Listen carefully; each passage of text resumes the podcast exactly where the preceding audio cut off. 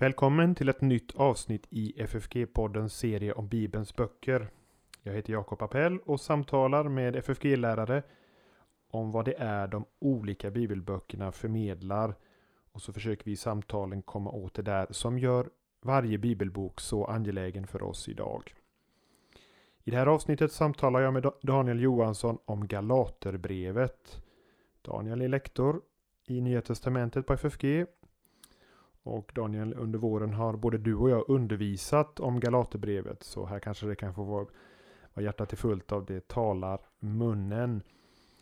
Nu har jag, har vi några samtal i några avsnitt här redan talat om Paulus och hans brev och hans person.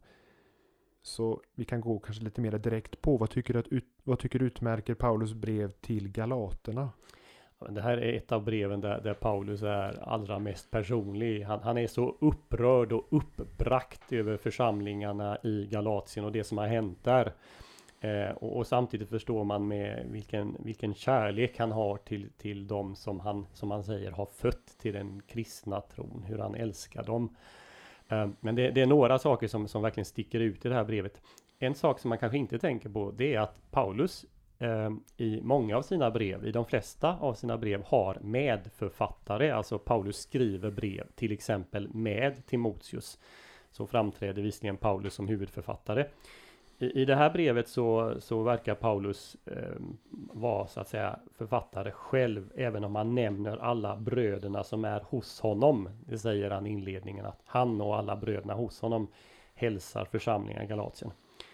Um, men här skriver han, han skriver alltså själv. Och så det som sticker ut här i inledningen det är ju att han inte har något att tacka för. Det brukar han ha i alla sina brev. Han tackar Gud och för församlingen. Men här går han rakt på sak och är mycket upprörd över att församlingen har avfallit ifrån evangeliet. Och sen har vi en detalj på, slu på slutet, eller inte bara en detalj, och det är att Paulus faktiskt själv skriver de sista, de sista verserna eh, ja, sista 6-7 verserna. Paulus brukar alltid ha en sekreterare som skriver hans brev och han lägger till någon liten kort hälsning eller namnteckning på slutet. Men här med början i den elfte versen i det sjätte kapitlet så säger han Se här med vilka stora bokstäver jag skriver till er med egen hand.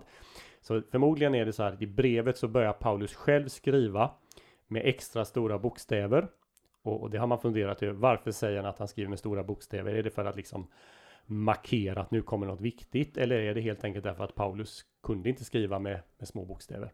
En del tror att Paulus hade dålig syn.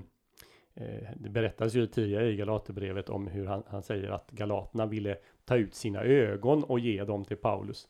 Det, det tror många innebär att Paulus hade dålig syn.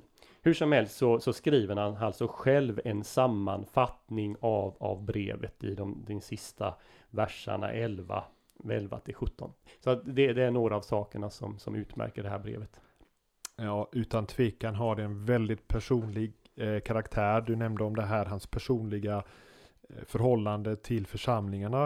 Eh, vi kommer att tala mer om det här med de personliga detaljerna om, om, hans, om hans liv och som har hänt honom.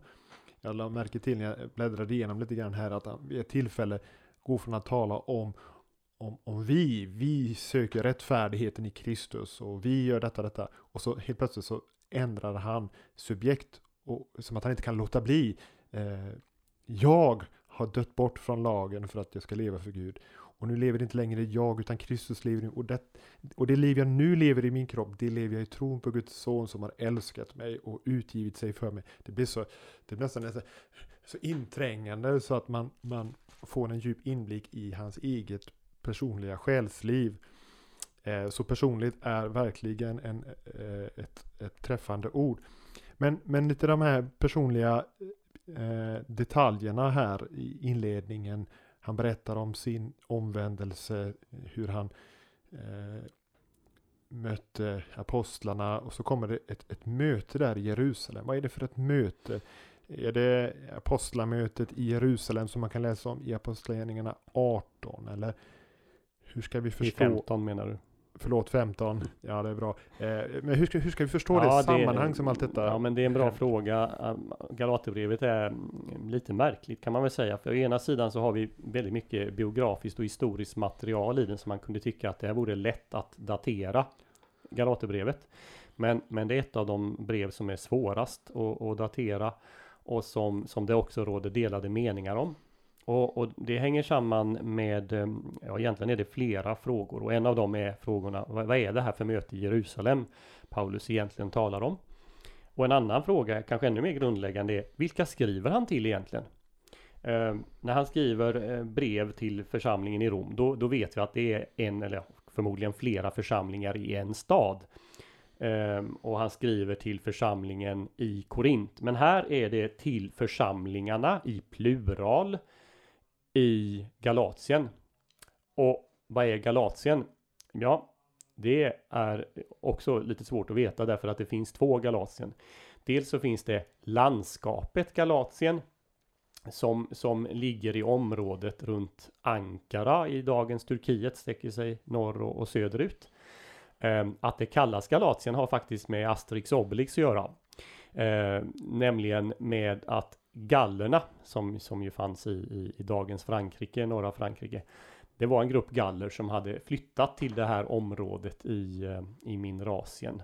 Och, och, och därav heter det Galatien. Men förutom då landskapet Galatien så har vi också den romerska provinsen Galatien som Augustus kejsar Augustus hade grundat 25 f.Kr. Och den, den omfattade då landskapet Galatien.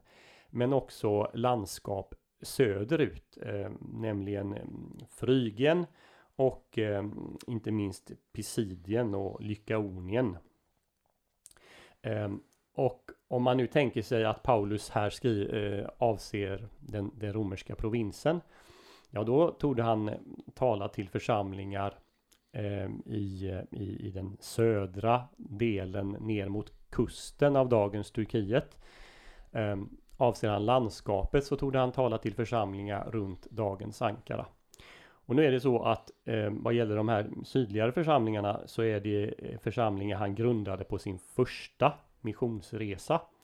Enligt Lukas eh, framställning så är det här Paulus håller sitt första stora tal eller åtminstone så låter återger Lukas i Apostlagärningarna 13 Paulus första missionstal.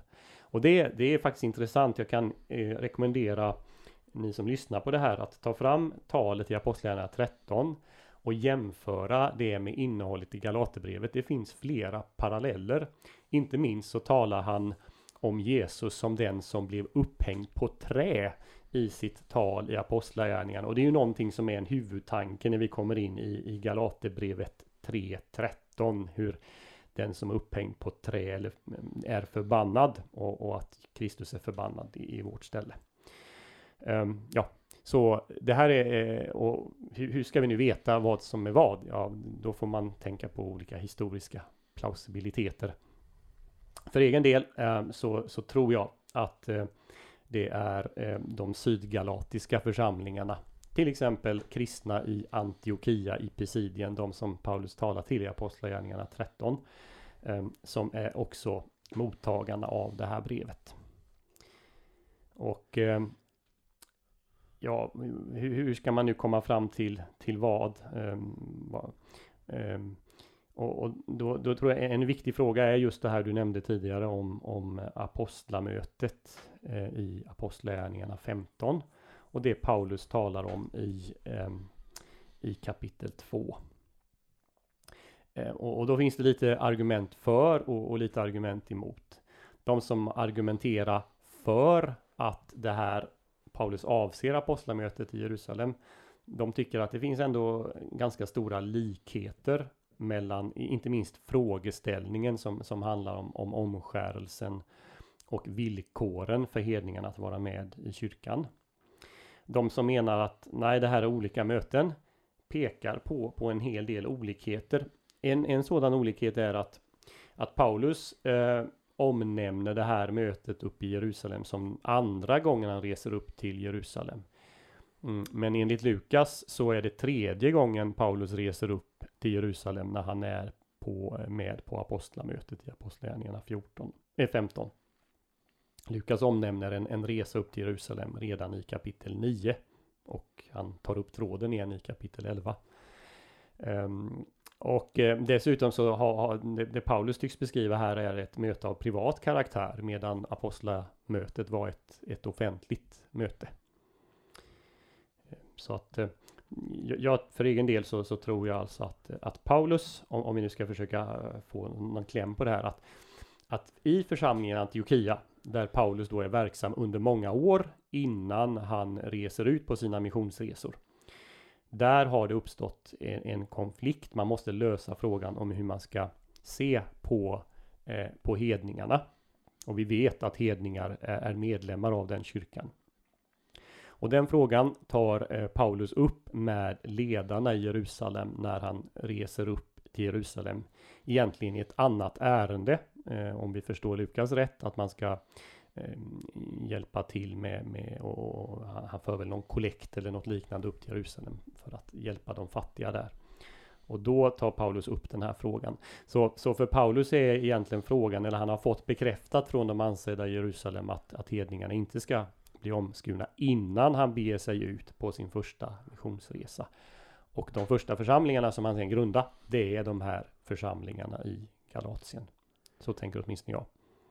Så vi kan snarare förstå det som att här ser vi de första spänningarna i, i praktiken när judar och hedningar ska samsas i, i samma folk och vid samma, vid samma måltidsgemenskap. Vi märker ju den här eh, infekterade relationen, eller ja, det kanske inte var en relation eh, på det viset, men Paulus går, går till rätta med Petrus i, i slutet av andra kapitlet för att han inte håller fast vid måltidsgemenskapen med hedna kristna. Eh, uppfattade då detta som att det här är de inledande faserna av den här spänningen. Petrus vet vad som är det rätta, han har sett synen med Cornelius, han hade börjat fira någon måltidsgemenskap med hedna kristna. Sen backar han. Det är lite tryck därifrån Jerusalem. Och så till slut minnar det ut i detta apostlamöte i Apostlagärningarna 15 som sätter ner foten skulle man kunna säga. Och, och, så sedan så, så vet alla vad som gäller. Ja, jag, jag tror att det, det, är svårt att tänka sig att den här konflikten i, i, i Galatien skulle uppstått efter eh, efter apostlamötet i Jerusalem, då tog det saken vara löst. I, I, synnerhet som de här mm, som Paulus adresserar här tycks hänvisa till Jerusalem. Eh, med den auktoriteten om, om det så har utgått ett dekret från Jerusalem om, om vad som gäller. Det finns ju ytterligare en sak, det är att det Paulus säger att bröderna där uppe i Jerusalem krävde av honom Han säger egentligen att det är ingenting förutom att man ska tänka på de fattiga. Men när vi läser eh, vad, vad, man beslutar i Jerusalem så var det faktiskt några saker som, som hedningarna skulle anpassa sig till. Eh, och det är lite märkligt om Paulus inte nämner dem eh, heller. När tror du Galaterbrevet skrevs? Ja, alltså om vi nu följer den här så kallade sydgalatiska tesen och att han har skrivit eh, och att han hänvisar till ett möte före mötet i Jerusalem. Ja, då tog det brevet vara skrivet någon gång kanske 47-48. Eh, man brukar datera apostlamötet till 49, så strax innan apostlamötet 48-49 eh, är det däremot skrivet till landskapet Galatien så måste det vara senare, troligen under det att Paulus är på sin tredje missionsresa. En del placerar det när Paulus är i Efesus. Och, och då är vi framme någon gång 55-56. Och är det, är, det, är det då skrivet i Sydgalatien? Ja, då är det här Paulus första brev som är skrivet före första och andra Thessalonikerbrevet som annars brukar dateras först. Och eh, annars blir det Paulus tredje brev, då är det skrivet efter andra Thessalonikerbrevet. Om vi nu lite vänder blicken mot själva innehållet, det som är Paulus ärende. Jag eh, kommer att tänka på, på Martin Luther, vad han kunde säga om Galaterbrevet. Han kallade det för sin förlovade, sin, sin kära Käte eh, och hans stora Galaterbrevskommentar, mitt exemplar är på 600 sidor. Det här är ett favoritbrev för Martin Luther. Vad är, vad är det, varför var detta en, ett, ett nyckelbrev för honom som du ser det?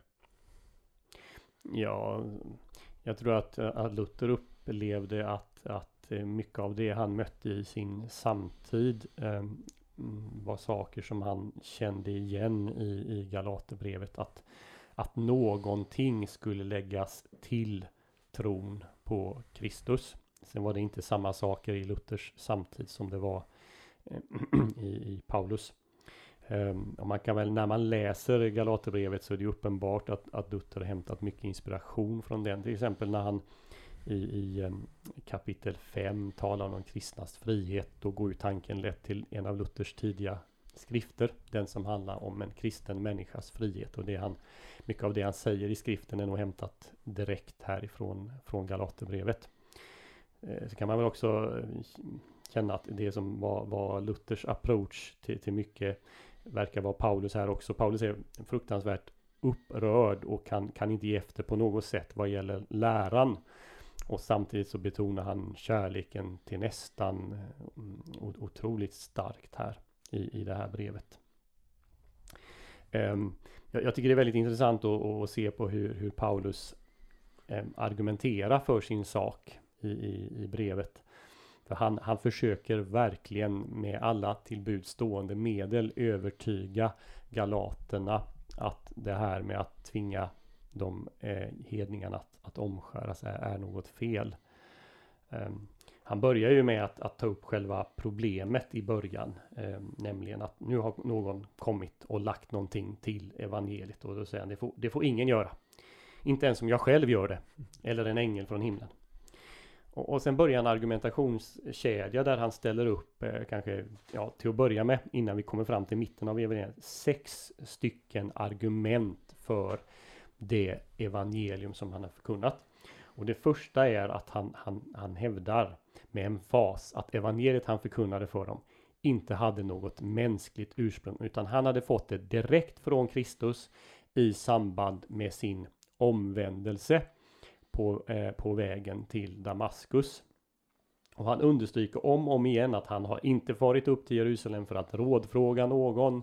Eh, utan att det, det dröjer innan han far upp till Jerusalem. Han säger att det är först tre år efter Damaskusupplevelsen som han, han eh, far upp till Jerusalem. Eh, under tiden så har han varit i, i Arabien. Förmodligen har han reflekterat över skriften och, och den uppenbarelse han får eh, eh, från Kristus. Så, så, det är Paulus första argument. Det här kommer direkt från Kristus, inte från människor. Det är precis det som, som Paulus också säger i inledningen. Han är inte utsänd av människor, inte från Jerusalem, utan det är direkt från Kristus. Och då kan vi tycka när vi läser det, varför betonar han det så starkt? Finns det någon motsägelse här mellan mellan Jerusalem och budskapet från, från de som var Jesu lärjungar och det Paulus har fått höra ifrån den uppståndne som han har sett i en syn. Men det är nog inte poängen, utan poängen är att han har den här direktuppenbarelsen. Och sen kommer argument två. Det är att han har så småningom farit upp till Jerusalem. Och när han har lagt fram sitt evangelium, och då har han nog, kanske han medvetet eller omedvetet har utmanat bröderna uppe i Jerusalem lite grann. För han har ju med sig två stycken dit. Dels Barnabas som är en jude. Och dels Titus som är en grek, en troende. Men som inte är omskuren. Eh, och med de två, de, den, den motsatsparet, en omskuren och en oomskuren, far han dit upp, lägger fram sitt evangelium. Och han får godkänt. Eh, Titus behöver inte omskära sig. Paulus får predika precis som han har gjort tidigare. Det visar sig, det finns ingen motsägelse mellan det Paulus har predikat och det som utgått ifrån Jerusalem. Det betyder att vi har två auktoriteter. Vi har Paulus som har fått budskapen direkt uppenbarelse från den uppståndne Kristus i synen på vägen till Damaskus. Och så har vi den tradition där apostlar, det apostlarna tagit emot från Kristus när de vandrat tillsammans med honom på dammiga vägar i Galileen som man brukar säga. Och, och båda källorna så att säga är densamma. Det går tillbaka till Kristus. Det finns ingen motsägelse. Så det är, eh, det, det, är Paulus andra argument för dem. Eh, det tredje han tar upp som ett argument för den här saken, det är den här uppgörelsen han har haft med Petrus i Jerusalem. Trots att Petrus visste bättre, trots att han har ätit med, haft gemenskap med hedningarna, så har han eh, fallit ifrån eh, igen och till och med dratt med sig många andra Eh, slutat ha den här gemenskapen, satt upp en skillnad mellan jude och grek eh, vad gäller tron. Och men Paulus visar sig här då karaktärfast. Han har hållit fast vid evangeliet även i den här svåra situationen. Tänk om Paulus hade gett efter då. Ja, då hade förmodligen kyrkohistorien utvecklats på ett helt annat sätt. Eh, det tredje Paulus hänvisar till och det är i början på, på kapitel, eh, förlåt, det fjärde. Det är i början på kapitel 3. Då hänvisar han till galaternas egen erfarenhet. Han ställer frågan i vers 2. Det vill jag veta. Var det genom tron ni tog emot anden genom att lyssna i tro eller var det genom att hålla lagen? Och alla kunde konstatera när vi fick anden genom att lyssna i tro. Vi gjorde ingenting extra. Vi hade fått anden förmodligen i samband med våra dop. Så Paulus så att säga lägger över bollen på deras sida. Och eh, Ehm, de kan själva konstatera. Jo, vi, vi fick eh, faktiskt tron på det sättet utan att lägga någonting till. Ehm, och sen efter det så går Paulus eh, till skriften och argumenterar utifrån ehm, utifrån skriften, utifrån gamla testamentet för, ah, för sitt evangelium. Så där kommer skriftbevisen. Och huvudargumentet där det är att Abraham tog emot löftena innan kraven på omskärelse kom. Och på samma sätt så var löftena till Abraham 400 år tidigare än, än lagen. Så det, det, blir ett huvudargument för Paulus senare. Och sen det sista argumentet i, i, i den första halvan av boken, det, det är nog återigen um, en hänvisning till Galaternas erfarenhet och då är det inte mottagandet av anden som sådan utan då är det deras doperfarenhet och då är vi framme i, i vers 26 i, i det tredje kapitlet. Alla är ni Guds barn genom tron på Kristus, alla ni som har blivit döpta säger han. Alla har ju blivit döpta.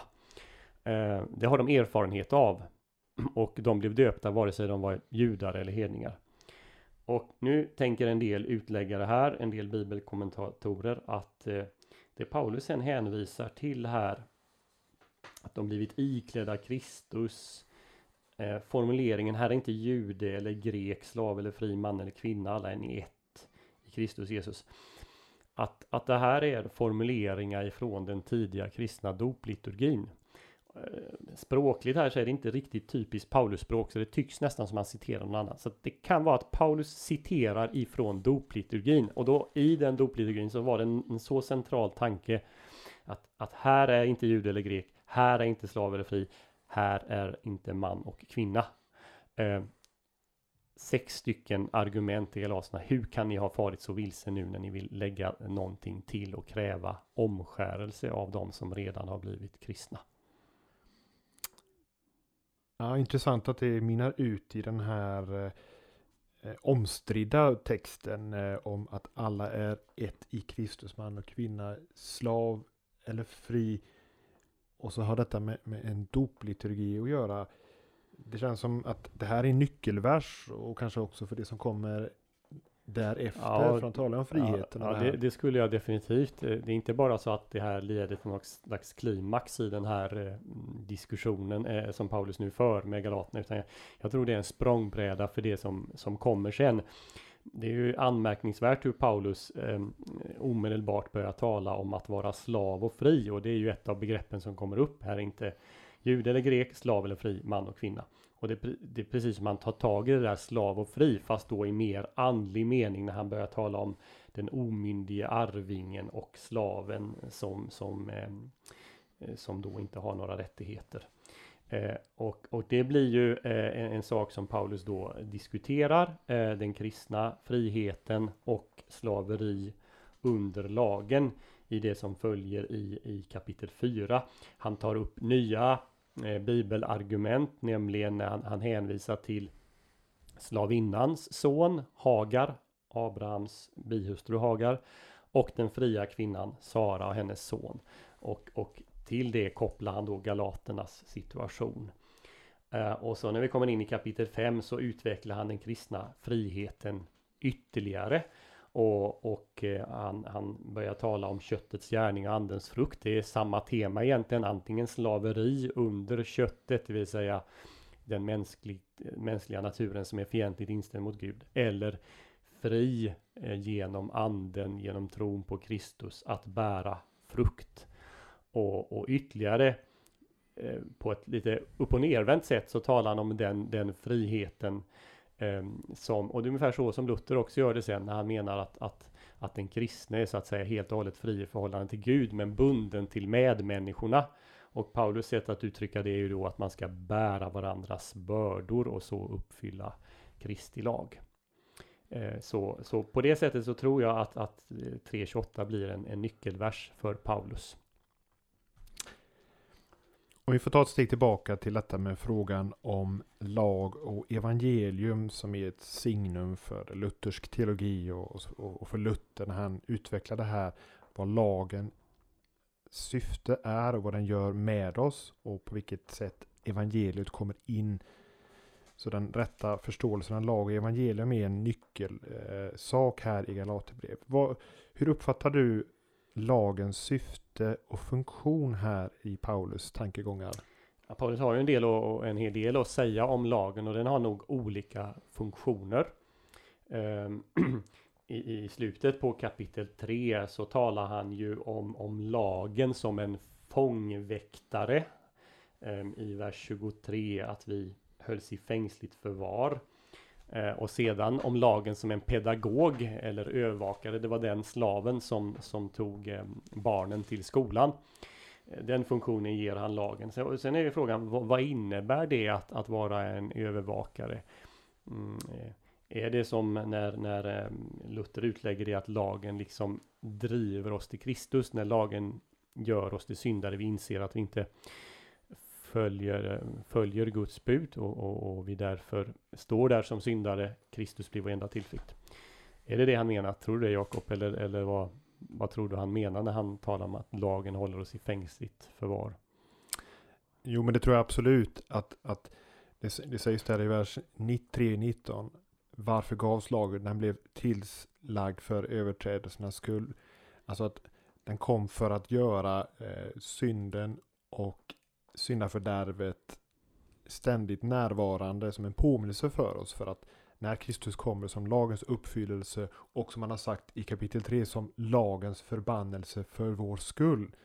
Så blir på det viset också det vår, vår utväg. Han vi som är under lagen och lagen har getts av Gud för att hålla oss där eh, hungrande och törstande efter en annan rättfärdighet än den som vi har i oss själva.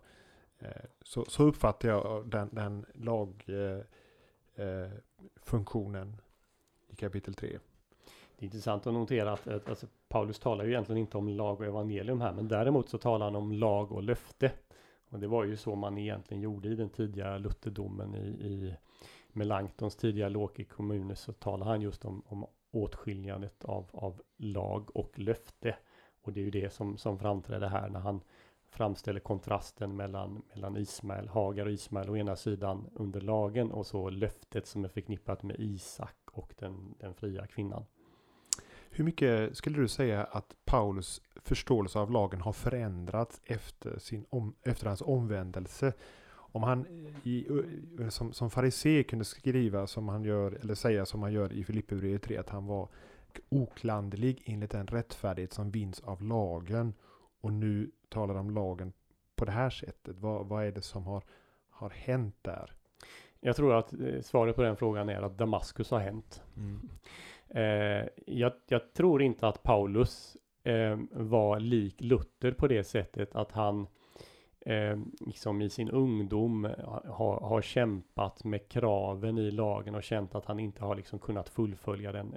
Mm, hur han än har, har lagt alla sina krafter i att uppfylla alla Guds bud eh, så, så hittade Luther alltid något där han har misslyckats. Så tror jag inte alls Paulus eh, var mm, innan sin omvändelse. Han hade nog ett ganska robust samvete. Han skriver det som du säger att han hade. Han var oklandlig enligt lagen.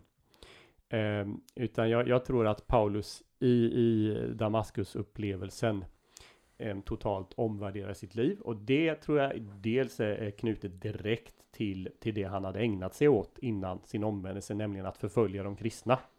För han tro, har trott att han har fullföljt Guds lag och, och, och, och, och Guds intentioner Eh, för sitt folk när han har förföljt dem som har hävdat att Jesus är Messias.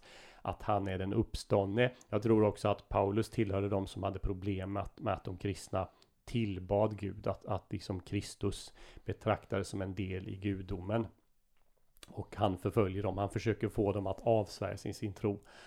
Och så, så har han det här mötet på väg till Damaskus. Och jag tror när Paulus fick det där mötet, eller åtminstone när han reflekterade över det senare, så, så upplevde han att det här var något av eh, samma som Hesekiel hade upplevt när han var utanför Israels land i exil.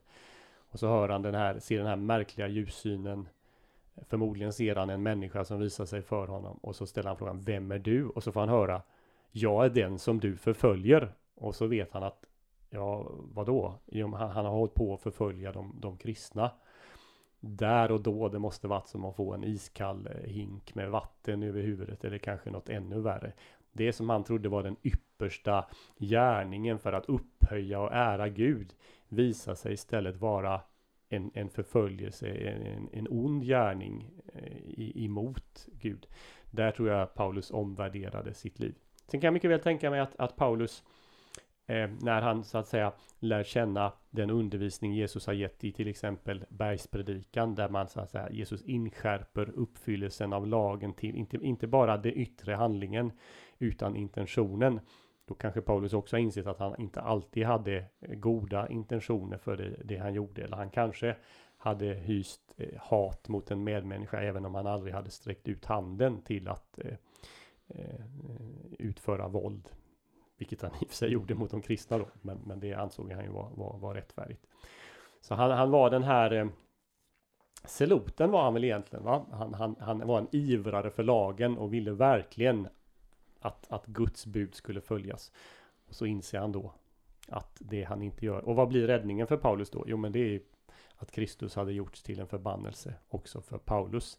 Och som han kan uttrycka det på vissa ställen även här i Galaterbrevet att, att Paulus liksom Eh, Eh, eller att Kristus har, har älskat honom, honom personligen. Där, där får vi fram en, en annan sida.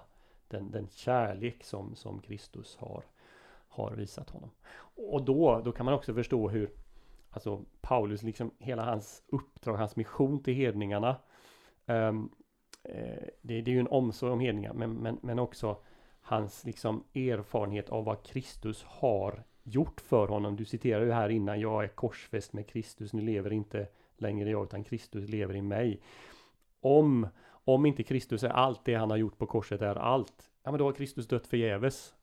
Och, och då blir på något sätt hela den här vändpunkten för Paulus, den blir också liksom, liksom meningslös. Alltså det, det träffar Paulus i hans, i hans innersta när man eh, överger evangeliet genom att lägga någonting till det.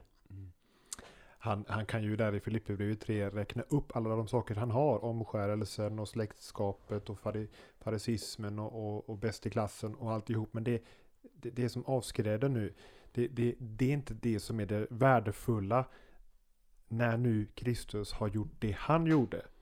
Och hur totalt nödvändigt det var för Paulus. Först naturligtvis i det som han gjorde i sin, i, i sin blindhet, i sitt liksom, hänsyn, eller ja, sin förföljelse utav den kristna församlingen.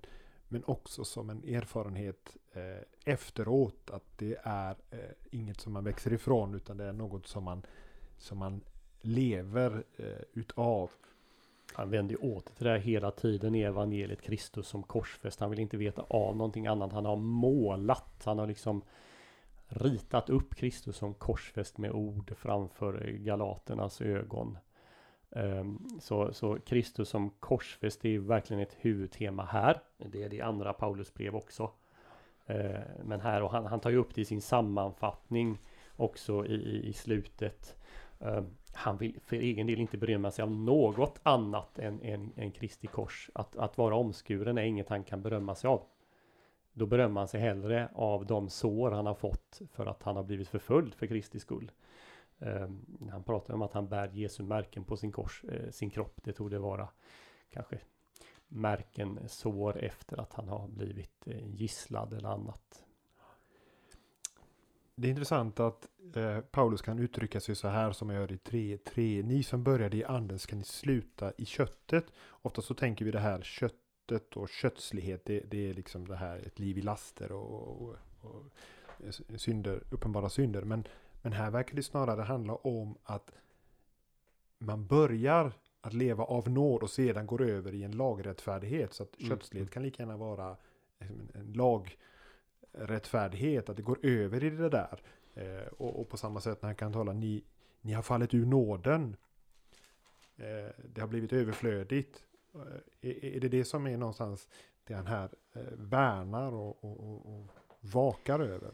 Mm, jag, tror när Paulus talar om, om, om, om då att, att återgå till köttet här. Jag tror att det finns någon slags dubbelhet i det. Eh, för å ena sidan, om vi tänker väldigt bokstavligt kring det här med omskörelsen, så är det ju någonting som utförs på, på köttet, på, på huden, på den mänskliga kroppen. Det är till och med så på, på grekiska att, att eh, ordet omskära finns, men det finns ordet om, oomskuren finns inte på det sättet att vi sätter en negation framför, utan istället så, det grekiska ordet är förhud. Det är vad, vad, vad oomskuren, eh, eller vad som vi egentligen översätter oomskuren med. Så att, eh, att, att på, på sätt och vis kan man säga att, att galaterna då, eller de här som vill att hedningarna måste omskära sig, det är, det är på ett bokstavligt sätt att man också går tillbaka till något som har med köttet att göra. Eh, en annan sak, eh, eh, den andra saken, det är när vi läser vidare så förstår vi att, att det här konflikten om den här saken, den har ju lett till stridigheter i församlingen. Det, det antyder Paulus på, på flera ställen. Um, han säger till exempel eh, alldeles i slutet på kapitel 5 um, om vi har liv genom anden, låt oss då även följa anden. Låt oss inte söka tom ära och inte utmana varandra och inte avundas varandra. Alltså man förstår att det har uppstått kiv och bråk i församlingen. Och, och det till de sakerna som Paulus räknar upp då som just köttets gärningar är kiv och avund och vredesutbrott, gräl och splittringar och villoläror. Så han tar upp andra saker som köttets gärningar som förmodligen finns i, i församlingen. Men, men bland det han, han nämner där är också sånt som förmodligen är resultatet av att, att några då predikat att det, det behövs något lite extra. Men tror du inte att det här är en ganska eh, normal utveckling för många människor att man, man, man kommer till tro på Kristus, man är härligt frälst av nåd och så efter ett tag så går det inte sådär riktigt bra i, i kristendom. Man känner att ja, men det finns en och annan synd som är svår att komma ifrån. Eller man känner sig inte så glad i tron länge Och så tänker man att det, det, är någonting som fattas. Jag, jag har en känsla av att, att det någon, kan vara det som har hänt. Och jag är inte ens säker på att det nödvändigtvis måste vara judar, eh, troende judar som kräver att hedningar ska om, omskäras. Utan det kanske till och med är så att det är hedningar som, som tänker att ah, det måste till något lite extra här nu för nu, nu, nu börjar tron falna lite och så kanske är det någon som, som driver att, att eh, omskärelsen, att, att hålla lagen, det är det också som behövs för att man verkligen ska vara en, en riktig kristen. Vad tror du? Jo, jag tänkte på det här att eh, å ena sidan kan jag ju då tala om det här att, att det, en typ av kötslighet det är att hamna i att man vill då börja bygga på eget här och bli visa för sig själv och andra att nu, nu är jag lite eh, ivrigare här än andra. Vi lägger på ok här nu som vi inte hade från början. En slags lagiskhet. Å andra sidan, precis som du var inne på där med köttets gärningar där. Det är inte vad vi är kallade till. Det är inte frihetens syfte. Det vill säga en, en, en slags laglöshet. Så den gyllene medelvägen, livet i frihet, det är mellan dessa två poler, lagiskhet och laglöshet. Där köttet trivs i båda dikena. Och, och vägen fram här ligger i detta att, att, att, att eh, leva med, med, med, lagens hela dom då. Han kan säga i vers eh, kapitel 2, vers 19. Genom lagen har jag dött bort från lagen. Den, den dödar alla mina egna motiv och tankar och, och begär. Eh, har dött bort från den. Nu lever jag för Gud. Det har han väl i egna tankar kanske gjort hela tiden redan som farisé. Men nu lever jag för Gud som mottagare av, av Guds nåd och frälsning i Kristus. Och med hans goda vilja eh, för ögonen.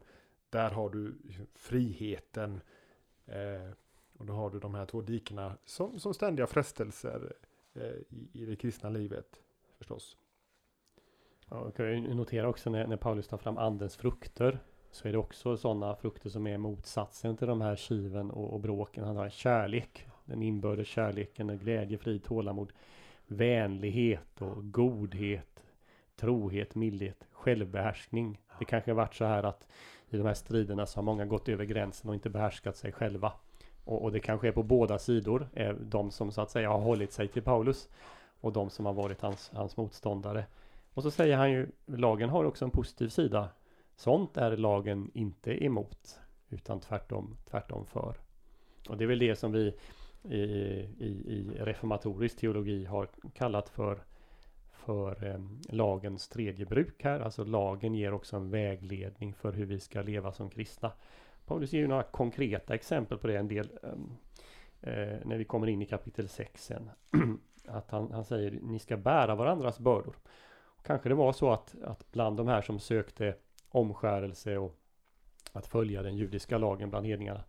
Det var kanske andliga bördor de bar på. Eh, och i, istället för att de här konflikterna skulle uppstå så, så manar Paulus till att, att man ska hjälpa varandra. Han talar om att ni som är andliga människor, ni ska i mildhet upprätta en sådan, en som har begått en överträdelse. Så Paulus ger stort utrymme för den personliga förlåtelsen.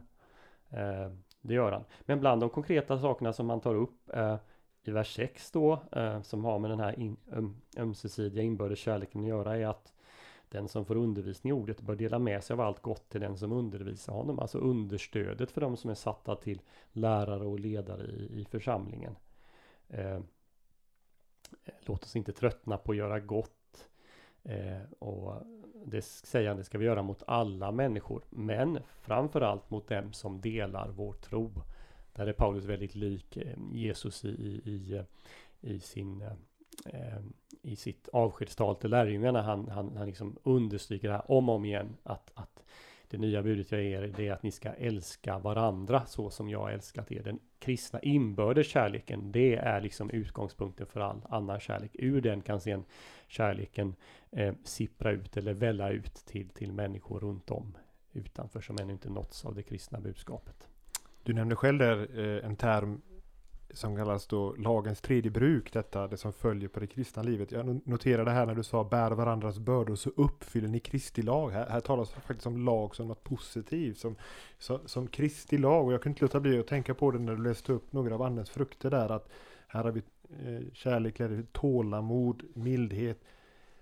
Paulus kan ju i Romarbrevet 2 uttrycka sig så här att eh, han talar där i 2, vers 4. Fraktar du hans stora godhet, mildhet och tålamod och förstår inte att det är hans godhet som för dig till omvändelse. Och då kan du inte vara hård och otålig med, med din broder.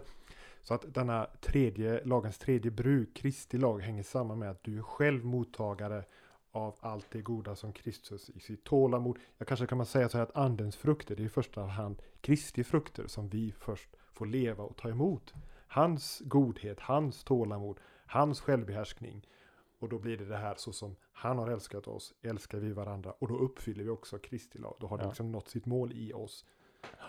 Sen är, är det ju i och för sig en fråga här eh, som är ganska omdiskuterad. Vad betyder det när Paulus talar om, om Kristi lag? Jag, jag tror det har eh, med, med det vi, vi talar om här att göra. Eh, men mm, en del tänker att, att svaret på den frågan är, är något som, som Paulus säger eh, strax, eh, strax innan, eh, nämligen i, i 5.14 att, att Kristi lag skulle vara liksom reducerad till det här du ska älska din nästa som, som sig själv, som dig själv. Det står det ju till hela lagen är uppfylld i detta enda bud. Du ska älska din nästa som, som dig själv. Ja, det är en uppfyllelse, det är, det är liksom en sammanfattning, men man, man kan hamna fel om det är en, en, en att lagen reduceras till det. Eh, jag tror när, när Paulus talar om, om Kristi lag här så, så tror jag, eh, eh, ja, jag, jag är i alla fall benägen att följa den tolkning som innebär att, att, att Paulus egentligen syftar på lagen så som vi har den i, i Torah, i, i, i Moseböckerna. Det är den lagen, men lagen så som Kristus använder den, så som Kristus har tolkat den lagen. Och i Kristi utläggning, i, i Kristi utläggning, kristni tolkning av lagen, då innebär den att hedningarna inte behöver omskära sig. Den innebär att, att lagen kan sammanfattas i ett enda bud. Du ska älska din nästa som dig själv. Eh, och så vidare. Eh, och i den lagen så är också att eh, ja, lagen positivt eh, lär oss hur vi ska leva med våra medmänniskor. och i, i den listan över saker som anden ger är eh, det som kallas andens frukter. Vi börjar närma oss slutet på vårt samtal här, men jag skulle vilja eh, fråga dig om en sak som kanske har, har eh, eh väckt grubbel hos någon annan också. Paulus kan i 6.15 säga så här att eh, det har ingen betydelse om man är omskuren eller oomskuren. Det som verkligen betyder något är en ny skapelse. Och så tidigare så går han så kraftfullt till attack mot de som låter omskära sig.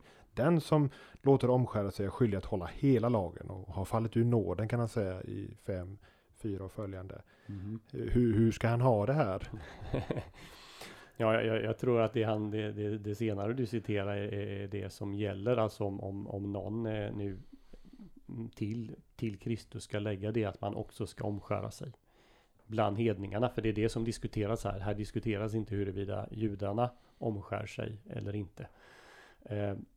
Jag tror det är budet. Det, det han vill säga i slutet det är att, att, eh, att den här frågan som nu har, det här är ju jättefrågan som har varit på tapeten i Galatien det här om, om att vara omskuld eller inte.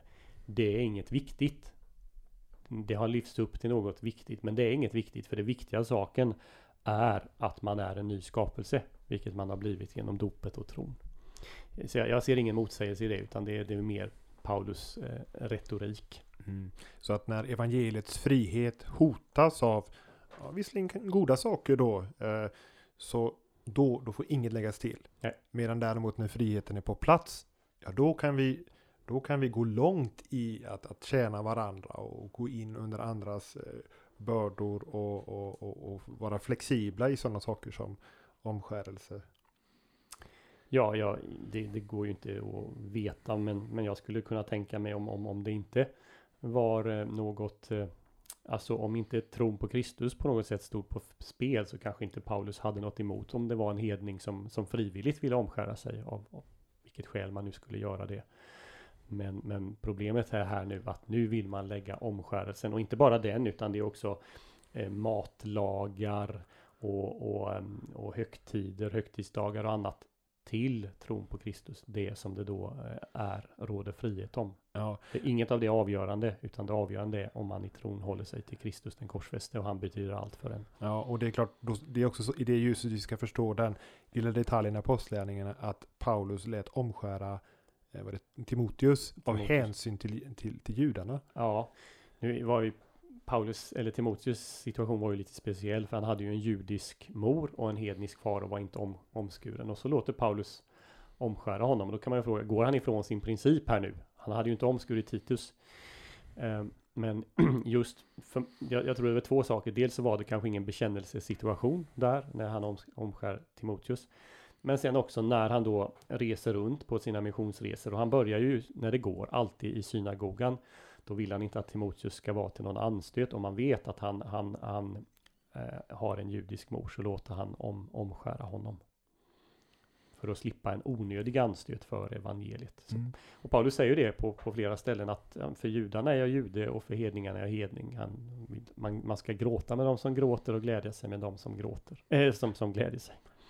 Det är ju ett väldigt intressant exempel på den här liksom, dynamiken. Martin Luther uttrycker det så här i en kristen människas frihet inför Gud.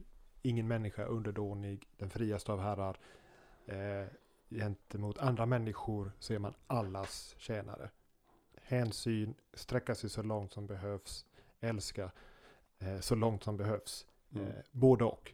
Och det är precis det vi finner i Paulus undervisning och i Paulus person. För han säger ju också det till Galaterna att han, de ska ta honom som föredöme. Mm.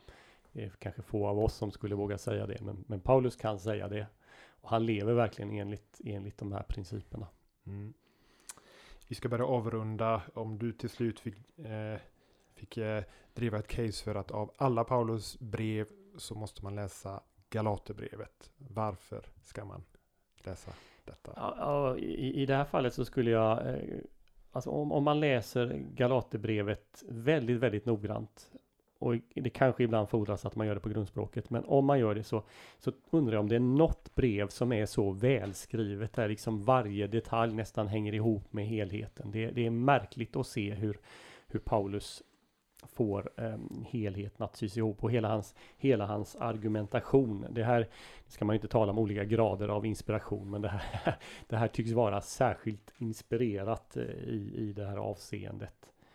Eh, det, det, det, skulle jag, det, det, skulle kunna vara någonting man, man letar efter. Sen är en annan sak som är intressant, som om man nu det kan vara bra när man läser en bibelbok att man ställer vissa frågor. Och en sak man kan leta efter och som är väldigt frekvent i Galaterbrevet, det är hur Paulus ställer upp ett, kont eller ett många kontrasterande par. Vi har det i, i köttet och anden och vi har de här tre paren ställer upp i 3.28 och så vidare. Men om man börjar leta så kanske man kan hitta ett 30-40-tal sådana här par hela tiden. Antingen eller är det för, för Paulus som gäller i det här brevet.